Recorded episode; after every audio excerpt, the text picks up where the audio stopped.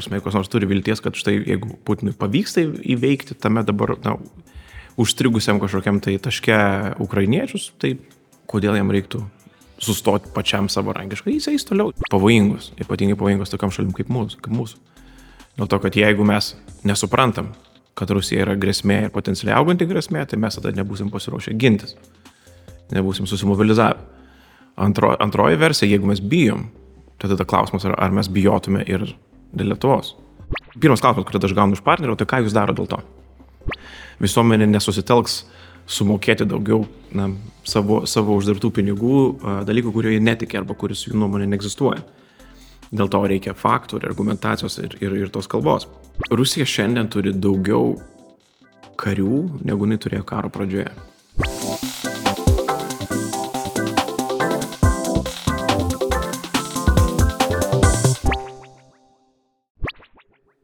Sveiki, mėlyjei, sveiki sugrįžę, jau daugelis jūsų buvo pasigėdę, tai sveiki sugrįžę į šią puikią Vilnius universiteto Himolio levelio salę. Ir šiandien turim, sakyčiau, ypatingą svečią, dešimtą jubiliejinį mūsų svečią, tai yra užsienio reikalų ministrą Gabrielį Landsbergį. Sveiki, ministrė. Sveiki, gyvi. Aš gal tiesiog pradžiai iš visai tiesiog galvoju, jeigu kad nors tik su Gabrieliu Landsbergiu paklausiu šito klausimo ir aš pas, pasakau ir tada daugiau nebegadinu nuotaikas. Nes man buvo smalsu tiesiog. Jūs daugiau esat, vis tiek daug kur būna, vat, mes irgi juokavom šiek tiek dėl visko Landsbergis kaltas, jūs vertinimas jūsų visą laiką yra neigiamas labiau. Koks vat, yra jausmas būti tokiu, vat, nežinau, nemėgstamiausiu politiku? Lietuvoje ir apskritai žmonės. Nu, tokiu, vat, taip, visi atrodo kaltės suvers, vad Landsbergis dėl viso kaltas. Nežinau, gal ne, jeigu kelčiau savo šitą klausimą, matyt, negalėčiau išlipti iš lovos ir dirbti. E, tai pajokauju, kad matyt, e, tas e, nepopuliarumas yra paveldimas. E, bet, bet jeigu rimtai, tai turi matyti tikslą, dėl kurio dirbi. Ir tada jisai sumotivuoja ir, ir eini daryti savo darbų. Tiek, kai tada mažai jaudinės dėl to kokia yra kažkokia, kokia, nu galbūt ta tokia tipinė reakcija, dėl to, kad ne, nėra universali visiškai. Kartais būna patikiu, kad patikiu, kad iš tikrųjų dabar jau aš esu visiškai nemėgstamas, žodžiu, ir jau niekas, niekas Lietuvoje, žodžiu, ne, visi nepatenkinti, žodžiu, mano darbu.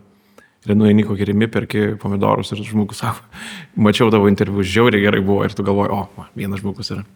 Ir, ir tada krauna tuos pomidorus, krauna, krauna. jo, antrą maišą. E, tai džiugu, tada ministrė, gal tada eikime iš karto prie, prie rimtesnių reikalų. Aš labai paprastai, kaip Jūs e, matot padėti fronte Ukrainos? Um, stabiliai labai bloga. Taip, turbūt pasakyčiau. Um, ko gero paskutinius trejus ar keturis mėnesius panašiai tą, tą girdim, uh, visi, kurie palaiko ryšius su, su frontu, uh, kad, kad situacija yra, yra, yra stipriai, stipriai prasta. Labiausiai tai kas, kasdienis trūkumas. Pas aš atsimenu mus prieš metus, kuomet e, lygiai tokiu pačiu metu, kaip tik tada kovojom dėl, e, dėl leopardų tiekimo, e, dėl naujos ginkluotės paketų ir tada atrodė, kad, na, jeigu šiandien sunku, tai tuoj tuoj bus lengviau. Ir dabar, kai kalbame ir, ir kai džiaugiamės, kad atrodo Vašingtonė bus kažkokių geresnių signalų, galbūt paskutinis pagalbos paketas bus priimtas. Nu, tai supraskite, jeigu mes tą girdime informaciją, tai ir frontas girdi. Ir, ir jie lygiai taip pat supranta, kad ką reiškia paskutinis. Tai, tai čia yra, tai yra sudėtinga. E, ir, ir e, iš to kyla e, egzistencinis nerimas. O kokios yra pagrindinės ukrainiečių arba Ukrainos karo problemos? Kokios pagrindinės problemos ukrainiečiam kyla? Tiekimas. Sako, karas yra suma valios ir logistikos. Tai valios ukrainiečiai toje liktyje tikrai turi, tai rodė, kad 40 e, e, milijonų žmonių netekusi daug dėl e, priverstinės migracijos šalis gali, gali tikrai silaikyti prieš kur kas stipresnį atominį e, oponentą, priešą. Bet visas klausimas dėl logistikos. Ir aš čia tokį pavyzdį panaudojau, kad, e, kitaip tariant, labai nemėgstu viešojo erdvėjai e, netikslių naratyvų. Padarėm viską, ką galėjom. Dažnai tai yra toks, na, Lietuva galbūt labiau gali taip jausis, aš dažnai sakau, mūsų kaimynai matyti taip pat, bet jeigu pažiūrėtume visą paveikslą platų, tai labai paprastas pavyzdys. Tai sakau, tas kilo klausimų galėčiau tada išplėtoti, šačiu. kiek ginkluotės, modernios vakarietiškos ginkluotės užsisakė Lenkija. Valstybė panašaus dydžio, panašaus gyventojų skaičiaus ir turint tą patį priešą. Ir dar penktą straipsnį. Jie užsisakė tūkstantį amerikietiškų tankų. Daug kas sako, taip, bet jie užsisakė, čia ateis 30 metais, tvarkoj, bet užsisakė ne, ne nuo ko nors kito gintis, ar ne, ginti savo valstybę nuo tos pačios Rusijos. Potencialiai tikintis, kad ta ginkluotė spės atvažiuoti, iki tą gynybą reikės jau vykdyti. Na, dabar pažiūrim, ką gavo ukrainiečiai ir tai yra 20 kartų mažiau. Tai panašu, kad tas, tas horizontas jis galėjo būti kur kas, kur kas tolimesnis pagalbos, jeigu mes iš tikrųjų žiūrėtume į tą, į tą rimtai ir adekvačiai. Akivaizdu, kad palaikymas Ukrainai, jeigu nesikeičia, tai tik tai žodžių lygmenyje, nes logistiniai dalykai akivaizdžiai silpnėja, jie gauna mažiau paramos. Kodėl?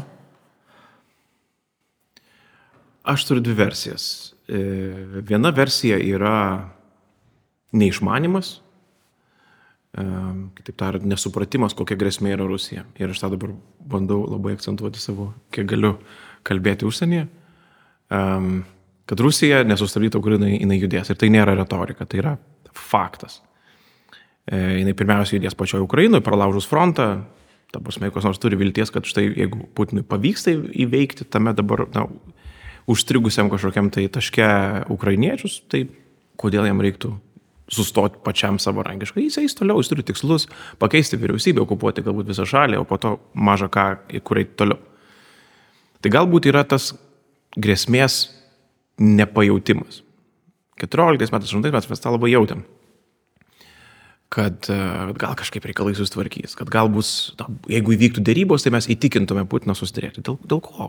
Kuo mes jį įtikinsim? Kas jį kuo įtikins? Jį įtikins e, atakamsai, Taurus raketos, F-16, nu, tokie dalykai gali įtikinti. Visa kita yra retorika, kurie mažai yra įdomi. Antroji priežastis yra e, kitokia, jinai atsiskleidė būtent po E, paskutinės invazijos po 22 metų, tai yra baime. E, kad mes bijom padėti Ukrainai tiek, nes o kas bus, jeigu iš tikrųjų laimės. Rusai pasakė ne vieną kartą, tas buvo netgi Twitter'į daug, toks ilgas sąrašas atominių grasinimų. Kiek, kiek kartų koks nors Medvedevas yra kur nors pagrasinęs apie tai, kad... Uh, Bet ir ministrė Medvedevo, kas nors rimtai žiūri Medvedevą, ar tai yra irgi kažkoks ne, tai, įrankis informacinio karo per matot, jį leisti? Mes, tai yra tai, ką mes matom. Bet ar atmesti, kad galima, ar ne, tausia, negalima atmesti, kad kokiais nors kanalais tie patys grasinimai yra perduoti e, kredibilę liniją, sakykime, ta prasme pakartota tas pats. Mes, mes skaitom, ką mes skaitom, kas mums yra prieinama. Ir tai yra pakartojama, tai yra suvokiama, netgi ta prasme net to kartoti nebūtina. Mes suprantam, kad Rusija yra, turi atominį ginklą ir kad prispausta jinai teoriškai galbūt e, ketintų jį panaudoti. Jo labiau yra tą pasakęs. Ir tai mūsų stabdo, tai mūsų išaldo galbūt pagalba. Abu tie, abi, abi dvi išdavos ir abi dvi tos e, hipotezės jos yra pavojingos, ypatingai pavojingos tokiam šalim kaip mūsų. Kaip mūsų. Dėl to, kad jeigu mes nesuprantam, kad Rusija yra grėsmė ir potencialiai auganti grėsmė, tai mes tada nebūsim pasiruošę gintis. Nebūsim susimobilizavę. Antro, antroji versija, jeigu mes bijom, tai tada klausimas, ar, ar mes bijotume ir dėl Lietuvos. Ta prasme, ar nesustabdytų mūsų partnerių ta pati baime, kuri sustabdė jos Ukrainą, nesustabdytų jos Lietuvoje, nesustabdytų jos Suomijoje, nesustabdytų jos Lenkijoje. Tai va, tai tie, kurie dabar turime tas retorinės priemonės e, ir gebame, na, galime bandyti įtikinti partnerius, tai turime paaiškinti visų pirma, pirmąją, atsakyti klausimą, kad Rusija yra grėsmė. Antras dalykas, atrasti tą drąsą savyje, kad nu, turime atlaikyti. O tai kaip suprantu, čia daugiausiai drąsos trūksta, nes kai mes kalbame apie partnerius, matyt, čia labiausiai ima trūkti drąsos Junktinėse valstijose. Nesakyčiau, manau, kad tas atskambis, ataskambis yra abiejose Atlanto pusėse e, atskamba. Bet vėlgi tai yra hipotezė, nes niekas, niekas jų nei viešuose, nei uždarose posėdžiuose nepasakys, kad mes esame na, išsigandę, ar tai mūsų stabdo. Priešingai, ar ne, mes mušame į krūtinę ir, ir sakome įvairius, kaip ir tas sakė, na, skambius, skambias frazes ir, ir tų pažadų daliname labai įvairių ir daug. Tik taip pat lieka klausimas, o tai kaip tą realizuoti. Jūs sakot, stengiatės koncentruotis, aiškinant dalykus vakarams. Ar Lietuvoje nereikia papildomai aiškinti šitų dalykų, nes vien kai jūs pabandėt pasakyti ir kalbėti apie grėsmę, gavote pasiūlymą iš prezidento pasidėti ir nusiraminti. Dabar su Lenkijos prezidentu ir Lietuvos prezidentas bando transliuoti perspėjimus dėl tos grėsmės, už kurią jūs siuntė nusiraminti. Teisingas klausimas yra. Tiesą sakant, tokia, tokia pati dviejonė ir atvedė mane iki, iki komentavimo Lietuvoje. Todėl, kad netrodo įtikinamai ir savo pačiam, jeigu aš bandau įspėti partnerius, kad Rusijos grėsmė auga, o Lietuvoje, ir tada pirmas klausimas, kurį aš gaunu iš partnerio, tai ką jūs daro dėl to? Tai mes 22 metais mes padarėm sprendimą. Tvarko, bet jūs dabar matote, kad blogėja situacija. Tai ką, kaip jūs reaguojate tą patį?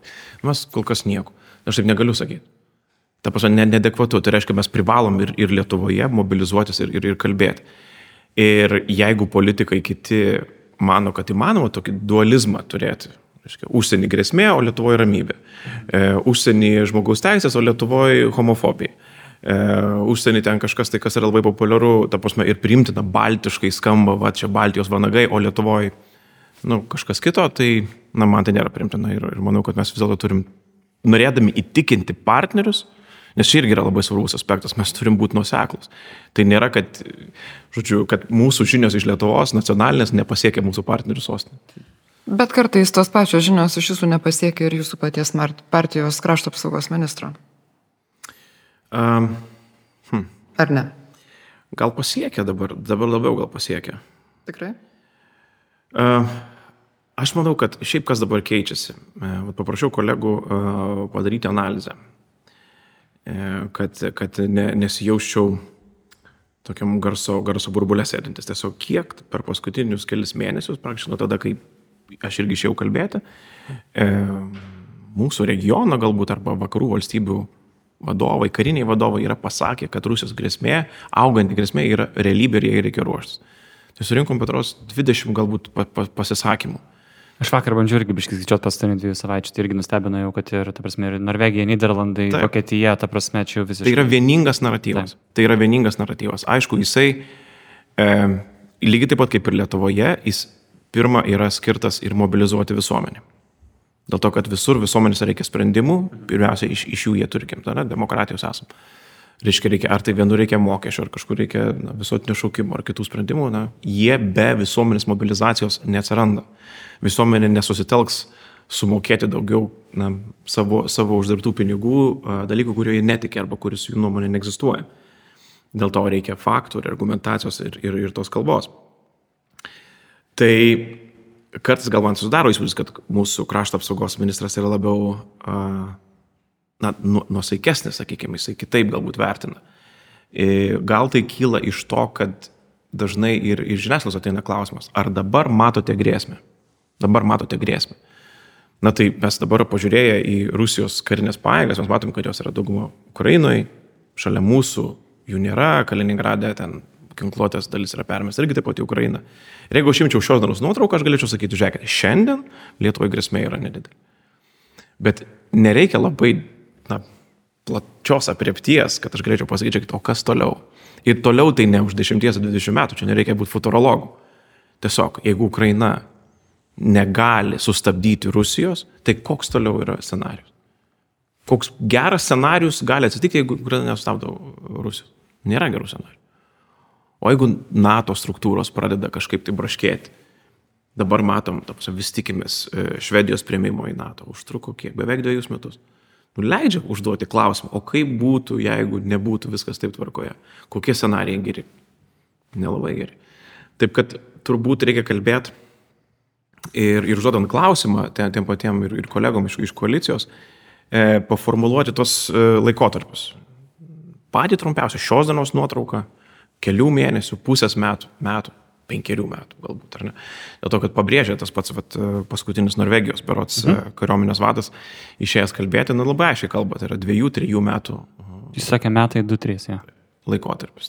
Čia tokie yra tie, tie horizontai. Tai gal šiek tiek tą klausimą išplečiant, tada tos nuomonės jos labiau sutampa. Tai jeigu reikėtų apibendrinti, kalbant apie tą, kas toliau, kaip mato tiek jūs kaip matot, kaip mato mūsų partneriai, koks tai yra laikotarpis, kada po kiek metų Rusija galėtų realiai pradėti kažkokius naujus karinius veiksmus. Nebūtinai prieš mus, bet apskritai prieš kažkokią kitą valstybę. Rusija šiandien turi daugiau karių, negu jinai turėjo karo pradžioje. Dėl to pasakymas, kad Rusija kažkada atsistatys, jis nėra iki galo tikslus. Jeigu kalbėtume apie žmonės, vienetus žmonių karo laukia arba barakose, jie turi daugiau negu turėjo karo pradžioje. Po tai, tokių praradimų jie. Po tokių praradimų, taip. Rusija didelė. Ir tai, ir tai tikrai nėra pabaiga. Technologiniai praradimai, kuriuos mes labiausiai vertinom e, po pirmųjų metų karo, manydami, kad sankcijos ir ukrainiečių pastangos sugebės tą stipriai pakeisti balansą, e, paaiškėjo tai, kad na, rusai atstato, peina sankcijas. E, pasaulis platus, priekybinės galimybės taip pat netokios, netokios siauros, izoliuoti saugumo tarybos nuolatinę narę Yra yra, sudėtinga. yra sudėtinga. Neįmanoma, būkim sąžininkai realiai.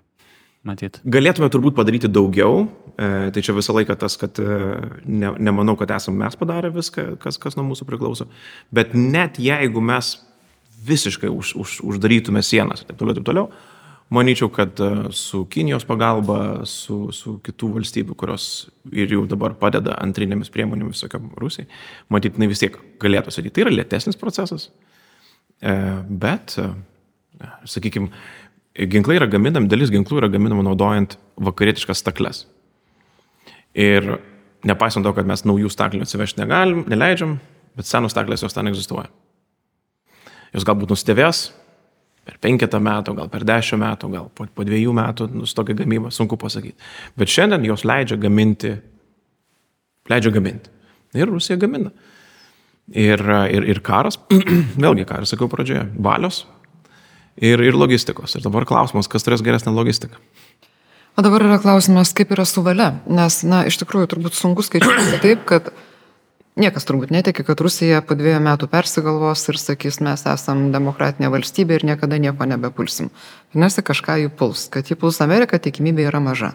Būsima auka greičiausiai yra Europoje. Ir greičiausiai tai yra artimiausios tos valstybės, kurias Rusija vadina savo būsiom teritorijom ir, ir buvusiom Sovietų sąjungos respublikom. Tai ar nebręsta koks nors naujas Ribbentropo Molotovo paktas?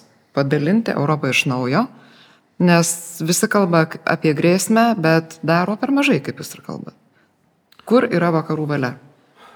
A, šiandien daugiausiai valios yra noro, sakykime, noro tai grįžti į, į laikus, kurie buvo prieš. Ir čia, čia visada, e, kai buvo, kai, kai buvo COVID, irgi taip pat. Kada grįšim atgal, kada bus laikai iki COVID. -o. Tai viskas, visa suirutė prasidėjusi su Rusijos ataka prieš Ukrainą, jinai lygiai tą patį sukūrė emocinį lauką. Kada mes grįšime į laikus iki vasario 24 dienos. Kai vėl viskas bus daugiau ar mažiau, mažiau normalu. O kokia bus kaina, to net netaip svarbu. Tai čia yra pagrindinis dalykas. Ir, um, ir jūs esate visiškai teisi dėl to, kad na, norint grįžti į kažkokius analogiškus laikus, o ne pripažinti, kad laikai tiesiog yra kiti. Reikia suprasti, kažką reikės nurašyti nuostolius. Ir pasigirsta balsai. Tai gal nurašykime Ukrainos teritorijos nuostolius. Mhm. O tai kas, kas tada toliau? Bet lygiai taip pat tada klausimą gali tą, tada tą plėtoti. Um, naudojant analogijas antro pasaulinio karo, tai ten irgi buvo pradžia labai panaši. Į nuostolius buvo nurašyta Čekoslovakija, Austrija. Austrija, Klaipėda, galų galia Lenkija. Ir jau Britai visiškai ne, neapsikentė tuomet, kai jau į nuostolius pradėjo nurašinėti Prancūziją ir, ir Britai tada, tai kas dabar šiandien yra Jeffas, tada buvo uh, irgi ekspedicinis, imperinis uh, pajėgos buvo perkeltos į Prancūziją, pasakant, na, Britanijai čia yra per toli, čia mes turim, turim stabdyti. Ir buvo pirmas pasipriešinimas jau, na, toks kažkoks alijanso uh, užuomasgos. Junktinės Amerikos valstijos tuo tarpu dar toliau brėžia brūkšnį. Dėl to aš tą esu taip retoriškai pasakęs. Pearl Harbor momentas, kuomet pasakai, okei, okay, čia jau yra viskas, čia jau mano gyvybiniai interesai yra paliesti, ir tada mes eisim kariauti už viską ir už Europą ir taip toliau, taip toliau. Kaštai milžiniški. Europos pusės nebėra sunaikinta, atsikariauti reikia tūkstančius kilometrų. Bet tas, tas nervas buvo labai toli. Tai čia jūsų klausimas perfrazuojant irgi taip pat dabar. Tai kur yra dabar tas mūsų Pearl Harboras šiandien? Kada mes pasakytume, kad jau viskas, toliau daugiau nuostolių mes nebegalim sauliaisti. Donbasas, Krymas. 14 metais atrodė, kad ne. Tarsi dabar iš pasisakymo atrodo, kad turėtų būti e, NATO teritorijos valstybės, bet kurie, ar ne, ginsim kiekvieną centimetrą ir pats sakot, visą laiką kratosi vištę. Bet kaip suprantu ir iš jūsų kalbos, kad Tarsi, jeigu kalbėtume grįžtam į seniau laikus, ir žmonės, ir visi, ir politikai, penktas straipsnis yra saugumo garantas, mes galim nei tankų, nei pirti, nei nieko. Penktas straipsnis yra jėga. Ir dabar atrodo, kad e, vat, ir iš jūsų girdisi, kad tai nebėra toks užtikrintas pasakymas, kad penktas straipsnis yra čia. e, Nieko geriau nėra. Mhm. Pasaulyje nieko geriau nėra. Junktinės Amerikos valstijos turi saugumo įsipareigojimus Japonijai, Pietų Korejai, net Filipinams, e, Taivanui. A, bet penkto straipsnio monumentalumas, ant jo pasakytas na, pasaulio saugumo Vakarų, architektūros. taip, taip. Jo, ta prasme, jeigu pasaulyje yra kažkas saugaus, tai yra penktas straipsnis. Jeigu penktas straipsnis būtų sudvėjota juo, tai tada visa architektūra griūna. Visa, nuo čia iki Indijos ramio vandenino, bet kur. Niekas nebėra saugus. Tai viena vertus tai suteikia, na, tam tikros ramybės, tik tai neturi būti apgaulinga ramybė. Ta prasme, tai aš visiškai nepalaikau to, kad penktas straipsnis tai jau viskas. Man atrodo, priešingai mes turim būti padarę viską, įdarant viršaus turėti penktą straipsnį. Kad tikrai žinotume, kad savo, iš savo pusės padarėm viską. Bet kitas dalykas tai yra, supraskim, kad tai kaip tai gali masinti Putiną. Tai yra skaniausias kasnis. Tu gali vienu smūgiu sugriauti ne tai, kad ten užimti Baltijos šalį ar dalį, ar ten prasimušti kelią į Kaliningradą ar kažkokį kitą dalyką, kuris mums yra egzistenciškai pavojingas. Bet tu gali sugriauti pasaulio saugumo architektūrą. Tai čia yra neįtikėtina. Todėl, kad viskas sueina į tokį siaurą butelio kaklelį, per kurį tu, jeigu prasiveržiai, pavyko, tai tada, va, kaip Obama sakė 2010 metais, declining regional power apie Rusiją, reiškia, smunkanti regioninė e, gale. Na, ta smunkanti regioninė gale pakeliui žemyn gali turėti savo labai ambicingų tikslų. Nusitemti dabartinę architektūrą. Aš tokį atsiprašau vieną palyginimą norėjau, nes šaltasis karas e, buvo laimėtas iš esmės dėl to, nors Sovietų sąjunga tarsi turėjo Europoje žmonių kiekio tankų ir bet kokį pranašumą, bet buvo laimėta dėl to, kad penktojo, penktojo straipsnio taip ir neišdryso niekada protestuoti.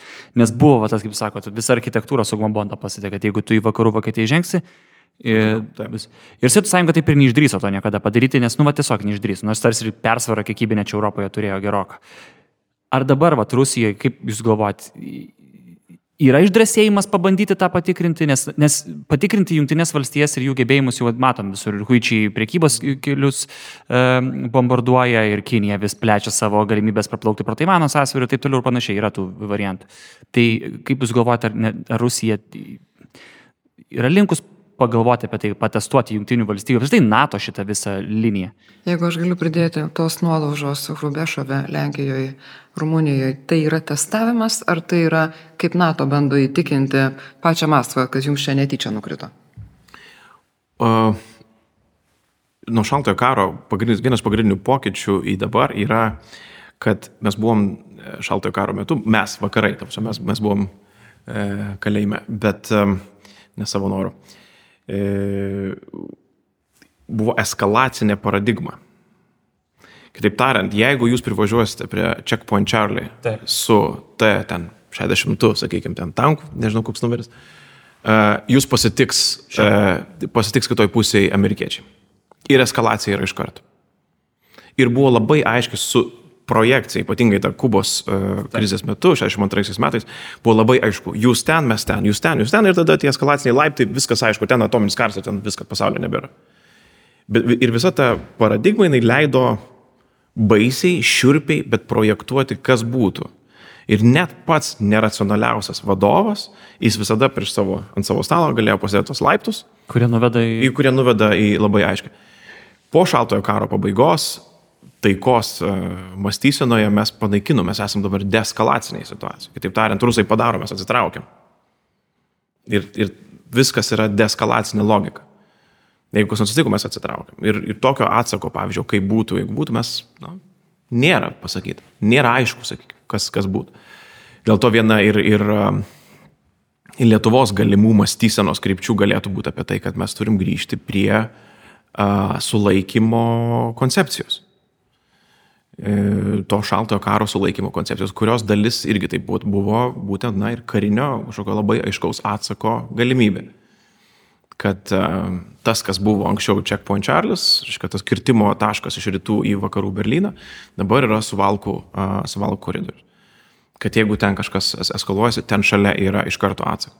Dėl to tiek svarbu buvo e, Vokietijos brigados e, apsisprendimas Lietuvai, dėl to, kad mums čia yra ta analogija, dar jo labiau, kad ir ten kalbam apie Vokietiją. Vokietija čia, žodžiu, toks istorinė sąsaja graži. E, ir, ir, ir būtent, kad šiek tiek parodyti, kad mes nesibaiminam. Nėra, nėra baimės, kad mums kažką tai pasako ir, ir mes atsitraukiam. Dabar kur ir, ir rytos klausimą ankstesnį, šiek tiek dar papažiūrėt, koks galėtų būti šių laikų Ribbentropo-Molotovo paktas? Kaip jūs galėtume įsivaizduoti? Yra vienas, vienas toks aspektas, apie kurį nuolat Rusija, Rusija kalba. Tai yra, e, jis aišku nėra, nėra atidalin, atidalinamas, sakykime, ten okupaciniam zonom, bet jisai yra ganėtinai širpus vis tiek. Tai yra 97 metų NATO Rusijos e, steigiamasis aktas. Mm. Jisai nustato, kokios pajėgos gali būti dislokuojamos prie NATO Rusijos sienos. Ir jisai apibrėžia, kad e, Baltijos šalise negali būti dislokuojamos significant forces. Significant forces paprastai yra brigados dydžio e, vienetas. Ir tokiu būdu NATO buvo įsipareigojusi nedislokuoti nuolatiniam dislokavimui prie Rusijos sienos. Geros valios žestas. Ir Rusija primena visą laiką. Čia galėtų būti va tokia ateities architektūros dalykas. Bet Rusija įsipareigojus nekariauti yra. Rusija įsipareigojus nekariauti, bet mes niekada nesame paskelbę to akto negaliojančiu. Gal turėtume paskelbti vis dėlto? Lietuvos pozicija buvo tokia. Mes, mes ir Lenkija ir, ir kitos Baltijos šalis nuolat paprašėme, kad tas būtų paskelbta kaip nebegaliojantis. Rusija sulaužė jį, mes nebesame jo saistomi niekaip. Tai neturėtų daugiau gyvenime būti grįžta. Jeigu kada nors Rusija šita, kita, kažkokia tai nugalėta norės dėrėtis, mes dėrėsime nuo tušio lapo. Kaip yra su bet kokia kita na, valstybė ir, taip toliau. Dabar to, dabar to nėra. Ir, ir čia, būtų, čia būtų labai pavojingas scenarius. Jeigu Rusija, sakykim, kaip viena iš savo kokiu nors at, kitų potencialių veiksmų sąlygų, mes nekeliausime toliau, jeigu jūs va tai. Ir tada mes, iš esmės, mes tam tada antrarūšiais e, nariais NATO, kas mūsų saugumo situaciją stipriai blogina. Bet tai, kad toks siūlymas pareina tik iš Baltijos šalių ir Lenkijos, ar tai nėra, ne, negali būti ženklas, kad būtent čia ir yra brestantis toks susitarimas, jeigu mes jo ieškom? Na, kol kas tai yra, tik, tai būtų tik tai spėlionė. E, Nekartą esam kėlę tą klausimą ir dažna, dažniausias atsakymas buvo, nesijauskime jo saistomi.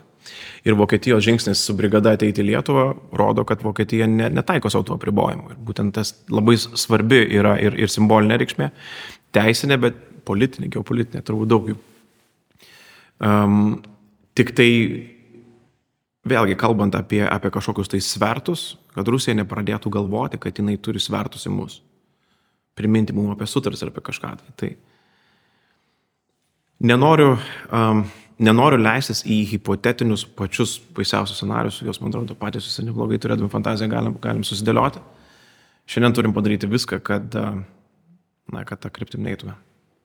Ar jūs, žiūrėdamas į Lietuvo žmonių požiūrį, pastebėt, kad, na, kad žmonės yra pasiruošę galimam karui, netgi konfliktui, ar vis dėlto dalis žmonių gyvena su tokiais rožiniais sakiniais? Nes aš pati labai dažnai girdžiu nežinau, iš savo draugų, iš jaunų pakankamai žmonių, nu, baig, Rusija negali praėti karo prieš NATO, juk tai, ne, juk tai beprotystė yra ir panašiai. Tai e, ar, ar Lietuvos gyventojai yra pakankamai blaiviai suprantantis padėtį? Dėl, dėl Rusijos, gal aš nuo to pradėčiau, tai e, su Rusijos beprotybė, Rusijos beprotybę suskaičiuoti labai sunku. Yra, ko gero, ko gero neįmanoma. Kiek žmonių sakė, kad karas prieš Ukrainą neprasidės. Aš buvau užsienio reikalų tarybos posėdėje trys dienos iki karo pradžios ir pagrindinė tema buvo neįmanoma. Nu, bet vis tiek neįmanoma. Nepaisant visos žvalgybinės informacijos, kurie buvo supažindinti visi prie stalo. Visi žinojo, kas vyksta. Ir vis tiek buvo didelė dalis tikinčių, kad neįmanoma. Ir lygiai tas pats yra dabar. Ir kažkur mes turim savo pasakyti, kad šiaip įmanoma. Nes tai nėra racionalus skaičiavimas. Žmonės ten skaičiuoja kitaip, netgi priešingai. Įsivaizduokit paprastas skaičiavimas. Dabar Rusija šiem metam, aš vis dar prieš naujus metus gyvenu, šių metų biudžetui nusimačius yra 60 procentų augimą e, gynybos. Kas panašu yra realus. Tapsa, kad tai nėra popierių nupiešti skaičiai. Tai yra realiai bus išleidžiami tie pinigai. Jeigu tai realiai yra išleidžiami pinigai valstybei, kuriai gan sunkiai sekasi skolintis, tai kaip mes žinome, kad kaip ir sudarinėjami biudžetai, tiesiog reikia iš kažko tai atimti. Kažko, kažkas nukentės. Ar ne? Tai gali būti pensijos bus, gali būti mažesnės, gali būti ten policininkam neišmokėtos algos, aš nežinau. Ar ne, infrastruktūra neberemontuojama, ką mes dabar matome, iššūkiai su vandeniu ir, ir kitom sistemom. Um, bet tai ką tai reiškia? Tai reiškia, jeigu tu tokią sumą pinigų susirenki iš esamų poreikių, tai poreikiai yra nepatenkinti, žmonės tikrai turi nepasitenkinimą. Nesvarbu, jie gyvena autokratiniai valstybėje, ne autokratiniai valstybėje, jie jaučia nepasitenkinimą, jie jį kažkokiu būdu nori išreikšti. Tu jiem turi parduoti sėkmę, kokią nors. Jūs neturit vandens, nes kas? Ir jeigu jūs neturit vandens labai ilgai, jūs neturit pensijų labai ilgai, taip toliau, aš turiu parodyti, kad jūs kariaujate, na, didįjį tėvynės karą. Kitaip nepasidaro. Dėl Donbaso kentėti, nu, galima trumpą laiką galbūt, bet, bet ne valstybė negali būti pakabinta tokio dydžio kaip, kaip Rusija. Ir iš čia pasidaro tas neracionalusis pavojus. Kad jie yra, kaip visa pramonė ant karo, žmonės, žmonės visi ant karo. Jiems reikia pergalių, jiems reikia kažko brutalaus, kad pateisintų, kad tai, ką jie daro, yra teisinga. Ir čia pasidaro tada tas, tas didysis pavojus, kurį reikia paaiškinti ir, ir, ir, ir mūsų žmonėms. Dabar kas yra su, su Lietuva? Tai aišku, mes esame keblioj situacijoje, mes nesame, kaip, kaip ir kalbėjome, kodėl, pavyzdžiui, požiūriai skiriasi. Ne? Šiandien tiesioginio kažkokios atakos linijų. Nėra prie Lietuvos telkiami pajėgumai, mes nesikreipėm dėl ketvirto ar penkto straipsnio. Taip toliau mes sakom hipotetiškai, matant praeitį, geografiją, mes prognozuojam, kad toks scenarius nėra, nėra neišvengiamas.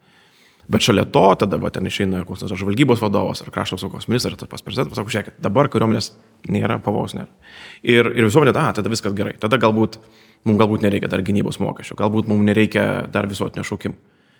Kebli tokia, kebli tokia situacija, o poreikis, šiaip sakau, skamba, na, tokia retorinė formuotė, aš savo pasakiau, kad mums reikia tapti tokia kaip Suomija, tik be karo. Nes neturim prabangos. Nes nežinau, ar atlaikytume, jeigu mes būtume, būtent mes, jeigu būtume patestuoti, klausimas, kur, kur, kur pabaigtų. Tai reiškia, mes turim turėti, nes valstybės labai dažnai po kažkokio sukretimo, taip atsiranda didelės reformos, dideli pakeitimai, tada visi sutarė dėl visuotinio šaukimo ir, ir, ir, ir mokesčių, ko reikia. Visiems viskas būna aišku po. Mums turi būti aišku prieš. Ir va čia yra didysis, didysis uždavinys Lietuvos. Ar visuotinį šaukimą įvesti yra įmanoma? Ar įmanoma bu, bus sutarti visoms politinėms jėgoms dėl tokio dalyko, ypač dar žinant, kad artėja rinkimai. Būtent vakar per LRT formą iš vis išgirdau tokią nesąmonę, kur vienas politikas, nu, neslėpsiu, Dainis Gaižauskas realiai tiesiog sakė, dabar nesitarkim dėl, dėl išlaidų, dėl nieko, nes viena partija grasina karu, jūs, Gabrieliu, grasinat karu, ir Palaukim rinkimų, tada spręsim. Bet čia yra didžiulė prabanga palaukti rinkimų. Ta prasme... Tai ne tik Gaišauskas Mazronis, tą patį būsimasis pretendentas į kandidatus į prezidentus irgi sako, kad po rinkimų ir galvosim. Bet ir jūs gal su jais informacija nepasidalinat, ar ne, kažkaip nepasižinė, aš nežinau, kas yra, kad jie taip pat keistai vertina padėtį. Nes jau tikrai turėtum būti aklas, kad neperskaitytum antrašių kitose Europos sostinėse apie tai, kad žmonės visi jau pradeda panašiai matyti. Uh, mano, mano lūkestis, kaip pra, kaip aš įsivaizdavau, kad galima būtų tokiu metu, turint galvoje, kad yra rinkimai ir prezidentiniai rinkimai, ir gal čia ir prezidento įvairios formuluotės, kurias, kurias mes girdėm, sunku man pasakyti. Kaip galima e, na, diskutuoti, koks debatas galėtų būti. Pirmas dalykas, pakalbėkim apie grėsmę. Nu, kaip mes matom, ta prasme, kad aš nesimu, aš neturiu monopolio, ar ne, aš turiu galbūt neblogą kėdę prasme, į, į sceną, kurioje vyksta dalykai, aš matau iš arčiau galbūt kartais dalykus vien dėl to, kad esu priversas ten, ten būti pagal, pagal savo pareigas. Bet kaip jūs sakot, tam prasme, susipažinti su informacija nėra sudėtinga. Ne. Dažnas klausimas, kuris man būdavo keliamas, reiškia, ar jūs remitės žvalgybos informaciją? Nereikia. Tiesą sakant, 90 procentų nereikia. Užtenka tiesiog tai, kas yra vieša paskaityti. Pradėkim nuo, ten, nežinau, Zalužno laiško ekonomistė, kuris buvo prieš, prieš du ar tris mėnesius. Paskaitykite, kas vyksta fronte, kokie, kokios yra perspektyvos, kaip, kaip piešiamas vaizdas. Tai jeigu mes galim sutarti, kad grėsmės vertinimus yra išimamas iš politinio ginčio lauko, ne, ir nėra partijos, kuri pasakytų, kad, žinot, šiaip Rusija nėra grėsmė. Nu labai sudėtinga tą pasakyti, sunku ištarto žodžius. Kaip tu taip galėtum, kuo remiantis tu galėtum tą pasakyti? Nes aš matau galimybę, taip, Ukraina turi pajėgumų ir valios sustabdyti Rusiją, sustabdyti pati Rusiją.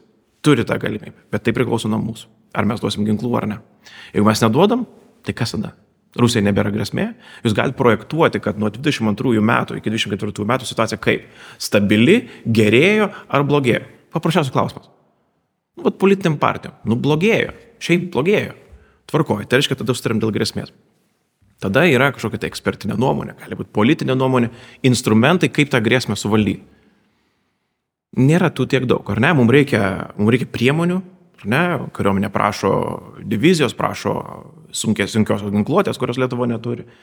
Visuotinis šaukimas kaip kultūrinis pokytis ir, ir gynybinis, bet ir kultūrinis pokytis, kad mes visi esame pirmiausia atsakingi už savo šalies gynybą prieš pradėdami kreiptis į partnerius penkto straipsnio vokiečių brigados ar kažko tai, turim pasakyti, kad mes padarėm šimtų procentų viską. Na ir tada, jeigu sutarėm dėl priemonių, kuriuose patvirtintos, užtikrintos ekspertų, kad tai yra efektyviausios, mes sutarėm dėl finansavimo. Ir labai, jeigu pradėtum nuo pirmo, sutarkim dėl procentų, kai buvo siūlyta prezidentas, 3 procentai. Na, visuomenė klausia, dėl ko? Nu, kodėl? Ką mes tos pinigus darysim? Tiesiog juos atidėsim, padėsim salą. Netinkamas būdas prieiti prie klausimų. Jeigu nustarim dėl priemonių, sakykime, nu, vieni sakytų, gerai, visuotinio šaukimo nereikia, tai ką tada siūlai? Kokios, kokius instrumentus tokiai grėsmai, dėl kurios mes sutarėm, kokius tu siūlai? Ir jeigu mes išlaikome tokius vat, laiptelius sutarimo, man atrodo, kad sutarimą būtų galima pasiekti. Bandant po vieną tokį etapą nuimti nuo politinio ginčio stalo. Jeigu sutarėm dėl grėsmės, tada dėl priemonių, tada natūralu dėl, dėl e, lėšų, kurių tam tom priemonėm įgyvendinti reikia. Gerai, bet jūs e, jau pavardinote šiek tiek, bet jeigu konkrečiau, tai kokios tos pagrindinės priemonės, kurių jūsų požiūrį Lietuva turėtų? Nes čia irgi ginčių daugybė yra nuo... Bet labai sunku sustarti, kai nesakai, kad dabar yra grėsmė, tai labai sunku sutarti dėl to, kaip tą grėsmę pasiruošti sutikti. Ta. Tai yra pagrindinis dalykas, ta prasme, kad jeigu, žiūrėkit, um, Lenkijoje vykstantis debatas, ar ne, koksai dabar nauja vyriausybė tik susiformavo ir kaip jinai formu, formuluoja savo užduotį Man patinka, patinka politinė pati prieiga. Jie užduoda savo tikslą per trejus metus būti pasiruošus atremti, atremti smūgį. Vieni. Vieni. Dėl to, kad, ta prasme, tai, tai nepaneigia penktos straipsnio. Taip, bet... Ar ne, bet... Dėl viso pikto. Bet jūs ne, sakėt, tarsi, tai, viskas ir penktas straipsnis. Taip, taip, taip va būtent. Ta prasme, kad tai netgi papildomam pajėgom, ar ne, Vokietija turi brigadą Lietuvoje, kuri yra divizijos dalis, divizija atvykti iki Lietuvos užtruks laiko. Tai reiškia, mes Lietuvoje tą laiką, kol divizija atvyksta, turėtume na, atlaikyti patys kartu su vokiečių, su vokiečių brigada. Ehm, tai jie užduoda, reiškia, tuos trejus metus. Ir tada žiūri, kad visos institucijos maksimaliai būtų tam pasiruošusios. Lietuvos tikslas tik tai toks pat gali būti. Mes niekaip kitaip, mes esame neatsėti saugumo erdvėje nuo, nuo Lenkijos, kitaip tariant, mūsų blogienis saugumas yra blogienis Lenkijos saugumas ir, ir atvirkščiai. Jeigu Lenkijai prastai, mums irgi iš karto lygiai taip pat prastai. Aišku, jeigu jie kelia savo trijų metų tikslą, reiškia, mes turime savo kelti lygiai tokį patį. Tai yra natūralus, natūralus kelias į priekį. Ta pati šneka Norvegai, Suomiai, Švedai, tas sakant, visas absoliučiai regionas. Ir tada yra politinės atsakomybės klausimas. Ar mes turime tos prabangos dabar, taip rinkimai, taip sunkiau yra sustart per rinkimus, taip ginčių daugiau ir įtarumo daugiau tarp partijų. Bet yra dar daug laiko. Kai pradėjom diskusiją, buvo metai. Ir aš suprantu, kad klausimai sunkus, bet tausia, praleisti metus, turint galvoj, kad audra tvenkės ir potencialiai gali pradėti lyti nevaikiškai, tai gal tada jeigu esame atsakingi, tai turim, turim kažką daryti. Ta prasme, pradėti Aš esu sakęs, kad formuluoti, šita vyriausybė arba šita valdžia, na, apimant visą Seimą, kuris yra išrinktas, ne, neskaisant į, į opoziciją ir, ir e, valdančią daugumą, e, turi prabangą diskutuoti. Mes turim prabangą diskutuoti. Kitai vyriausybei gali, gali prabangos diskutuoti nebūti, gali reikėti sprendimų iš karto. Bet e, kai kurie žmonės sako ir taip, kad, pavyzdžiui, jūs daug kalbate apie grėsmę, Bet taigi jūs ir esat valdančioji daugumoje, jūs esat Taip. pagrindinės partijos lyderis. Gal reikėtų, kaip sako, mažiau kalbėti, kai kurie sako, daugiau daryti. Ką jūs į tai atsakytumėte? Sakyčiau, kad esam e, iš pabaigę lengvus, nemokamus paprastus sprendimus. E, kažko tokio, kur galėtume apklijuoti pleistrais, pasakyti, na, mano institucijų liko 20 milijonų eurų, ten nu, didesnius biudžetus turinčiose institucijose mano institucija tokiais likučiais pasidžiaugti negalėtų. Bet Ir mes už tai ten ką nors padarysim, kokią nors programą papildomą, ten pamokysim kažką tai padarysim. Nebėra tokių sprendimų. Sprendimai, apie kuriuos mes kalbam, jie yra BVP dalys.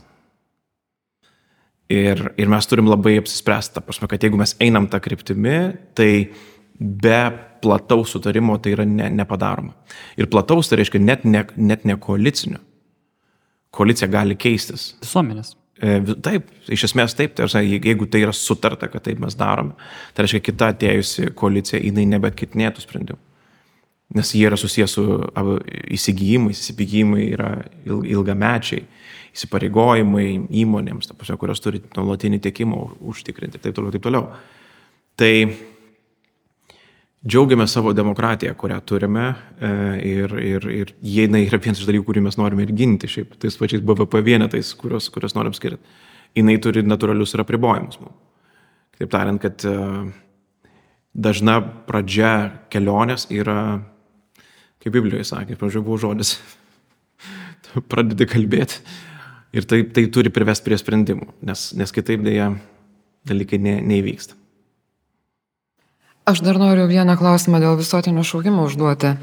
Kažkodėl tai yra matoma ir vertinama labiau kaip kažkokios netektys, negu kaip pasirengimas nebūti užkluptam nepasiruošus. Tai gal Net čia kažkas... galvoji, uh, Visuotinio Rasiu metus šaukimo. studijų a, Tai, Nu, jo, bet gal yra geriau prarasti metus studijų, negu paskui prarasti gyvybę, nes būsi pasirengęs, jeigu tave užpuls. Aš manau, kad čia yra susiję šiek tiek ir su, su dar vienu pa- papildomu aspektu, e, kad kai mes įs- įsivedėm šaukimą, ne visuotinį, bet tą, kuris dabar yra, darėm tą skubotai, greitai, teisingas labai sprendimas ir, ir tuomet įrėmiau ir, ir manau, kad tai buvo tikrai puikus, puikus žingsnis į priekį. Bet neuždėm savo klausimo, dėl ko tai yra daroma. Ką mes iš tikrųjų norim pasiekti. Kad visuomenė tampa at, ko karo atveju ar, ar dienos X atveju, reiškia, jinai tampa, visa visuomenė tampa gynybiniu, e, na, gynybiniu frontu. Kiekvienas mes būsime kažkoks tai gynybos vienetas ginti, ginti valstybei. Tai, tai dar taip nėra pasidarę. Ir šiandien šauktiniai gali taip jausis, kad lyg tai dar yra tokia situacija, kur uh, gal prarasti metai, ne iki galo aišku, kokie įgūdžiai yra įgyti ir taip toliau. Tai yra susiję ir su tuo, su ganėtinai pamatinė nuostata, kad Lietuva ginama yra pirmiausia penktojo straipsnio, profesionaliosios kariuomenės. Na, ir tada jau visų kitų, ten šauliai ir, ir taip toliau, taip toliau. Ta prasme, tokia, tokia piramidė yra sudėliota. E, valstybės, kurios yra, turi visuotinį šaukimą ir turi jį dešimtmečiai, sakykime, kaip, e, kaip Izraelis arba Suomija, tai na, ta visuotinė gynyba, jinai yra pamatas. Ant jo pirmiausia dedasi, e, reiškia, koks yra atsakas valstybės gynybinis. Kiekvienas žmogus ginsis. E, tada yra visi kiti atsatai arba jie yra paraleliniai. Dažniausiai tikriausiai paraleliniai. Va, tai pas mus to pokyčio nėra. Tai reiškia dabar žygiuojant į visuotinį šaukimą, mes turime turėti ir kultūrinį pokytį. Bet mes jo net nepradedam. Mes net nekalbam apie tai, kad radęs priešo šautuvą, tu mokėsi jį panaudoti, o nenusišausi pats netyčia. Ir šiaip yra kitas dalykas, šiandien aišku, ne konkrečiai jums, bet nu, jūsų vyriausybei, pavyzdžiui, labai dažnai išgirstam klausimą, o ką daryti žmonėm tiesiog, va, iš kur žinoti, ką tau reikia daryti. Nėra aišku, ką reikėtų daryti dieną X, mes čia kalbėjom kaip tik dar prieš laidą. O ką darytume, koks yra planas, kaip, vat, vat apie tai reikėtų turbūt žmonėm reikia. Visiškai, aš sakau, čia ko gero visuotinį šaukimą aš asmeniškai įsivaizduoju kaip naują, e, naują visuomenės kontraktą, tarpusavio kontraktą. E, kad ta, ta suma ir pinigų, kurią visuomenė turėtų ypatingai, jeigu tai, jeigu tai yra įvedama per mokestį kažkokią, tai tarsi, kad mums reikėtų sutarti dėl to, kad kiekvienas mes mokėsime, vat, kad tai būtų. Tai yra kontraktas. Mes visi tarpusavį sutarėm, sutarėm su kariuomenė. Ir uždavinys yra ne tik tai skaičiais atitikti kažkokią tai normą, kad taip Lietuvoje dabar 7000 jaunuolių kasmet yra paruošti, bet kad visuomenė pradeda funkcionuoti šiek tiek kitaip. Ir tam turi ir kariuomenė kisti, jos požiūris turi kisti. Ir visuomenė turi tą patį iš jos pareikalauti, nes mes mokėsime pinigus ne šiaip savo. Tai nėra kažkokia tai virtuali Europos Sąjunga, bankai, ar, ar valdžia, ar vyriausybė, ar kažkas tokio, kas sumoka už tai. Jeigu mes turėtume, sutartume dėl mokesčio, kiekvienas mes padėsime savo eurą ir, ir tikėsimės geriausio rezultato. Dėl to mes turime būti ir labai e, aiškus užduoties formuluotojai. Ir dėl to priimant ir jūsų pastabą, aš manau, kad jinai galėtų būti taip pat to kontrakto dalis. E, kadangi netiek jau daug ir laiko liko, norėčiau ministrė šiek tiek e, sugrįžti ir paklausti apskritai. Mes vis kalbam apie NATO, apie kitus dalykus. Aš pastebiu, jūs ne visai užsimenate apie vieną valstybę, kuriai nu, anksčiau visada visur minėdavot ir šiaip esat e, Junktinės valstijos. Koks jūsų požiūris yra į Junktinės valstijas apskritai? E, į rinkimų laikotarpį šiuo metu, ar ne? Daug kas baiminasi Donaldo Trumpo, kiti sako, kaip tik prie Donaldo Trumpo jokių karų nebuvo, ar ne? Tai kaip jūs Junktinės valstijas dabar stebite? Nes anksčiau buvo tarsi, kad tai yra nu, sąjungininkas numeris vienas ir šiaip toks yra jausmas, kad su amerikiečiais visada bus, busime saugus. Tai yra sąjungininkas numeris vienas. Niekaip kitaip negalima to, to pasakyti. Ir um, E, visos, visos diskusijos apie tai, kas gali būti, jos yra reikšmingos ir, ir e, reikia jose dalyvauti ir patiems turėti nuomonę apie įvairias eventualybės, kurios galbūt gali būti neišvengiamos. Ir e, kaip aš esu, esu ir nekartą ir, ir kolegom sakęs, kad mes turime būti pasiruošę nepaisant koks uh, rezultatas nepaisant koks rezultatas rinkimų, nepaisant koks yra politikos pokytis.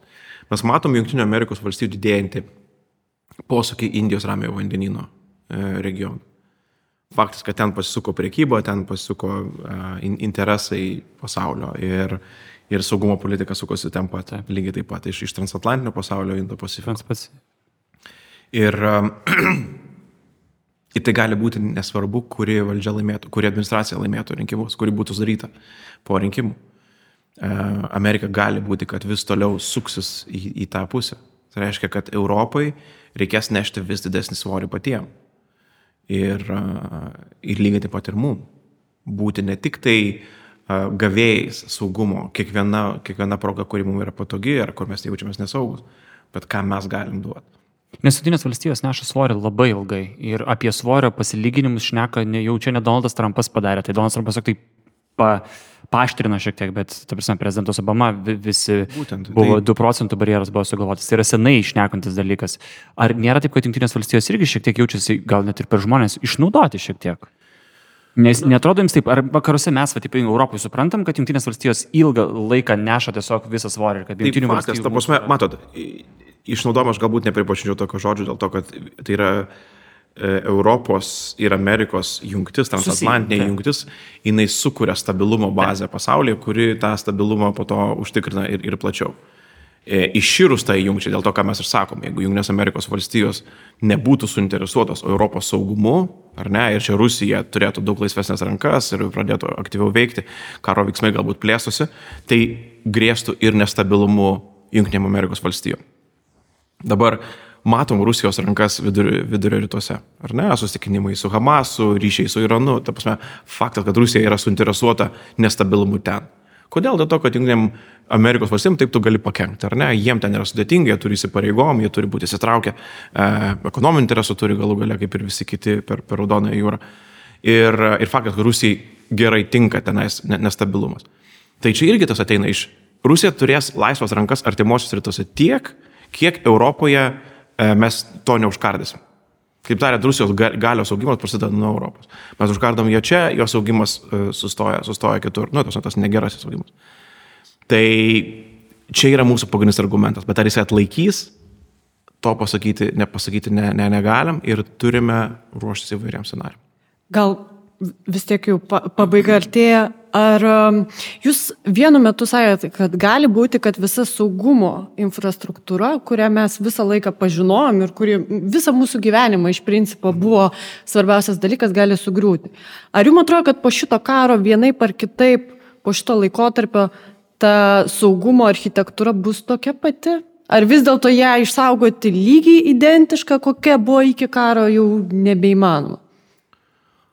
Aš tikiu, kad įmanoma ją išsaugoti, e, pripažįstant vieną faktą, kad Ukraina, Ukraina ir karas prieš ją yra tas lūžnis momentas. Istorikai po 50 metų žiūrės į šitą laikotarpį ir sakys, čia prasidėjo. Vieni ginčys ar 14 metais prasidėjo, ar, ar Sakartvelė prasidėjo, ar 22 metais prasidėjo, bet tai yra pradžia.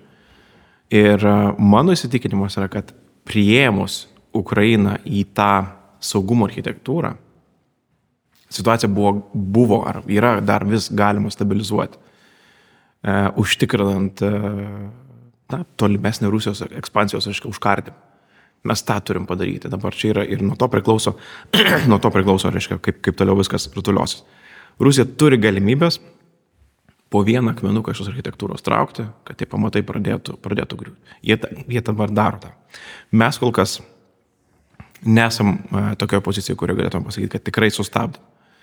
Ir 24 metai gali būti ganėtinai stipriai e, kryškelės metai. Kalbant apie tai, kas bus po karo, ar jūs esate tikras, kad tame naujame, kaip po COVID, new normal, Lietuva yra laisva ir saugi?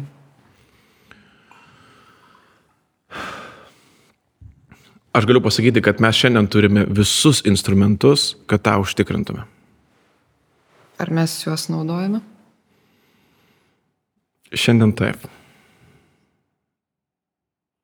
Ačiū. Uh, šiandien taip, bet... Rytoj? Ne, tai suprantu, kad čia rytoj negali žinot, bet negi jums dar atrodo, negi jūs galvojat, kad būtų žmonių, kurie ir, irgi Lietuvoje, kurie nenorėtų irgi naudoti visus instrumentus, saugoti ir visą kitą.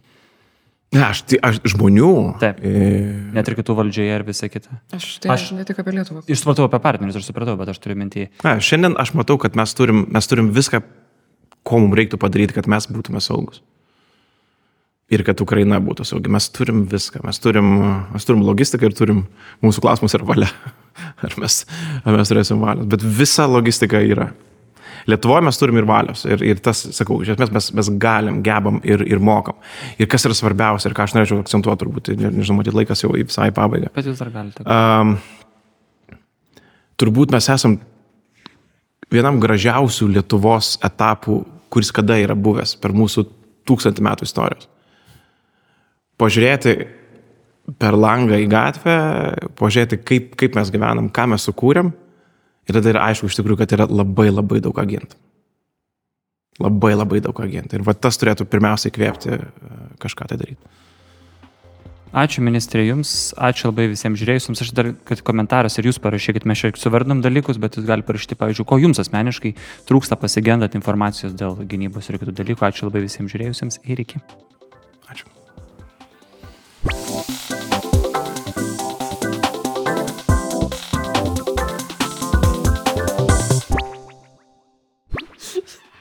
Nu, dar taip nėra buvo, bet va čia tai yra. Ateina Landsbergis ir prasideda problemos. tada. Gerai, kad bent yra ką kaltinti. Jo. Visada yra ką kaltinti. Visada.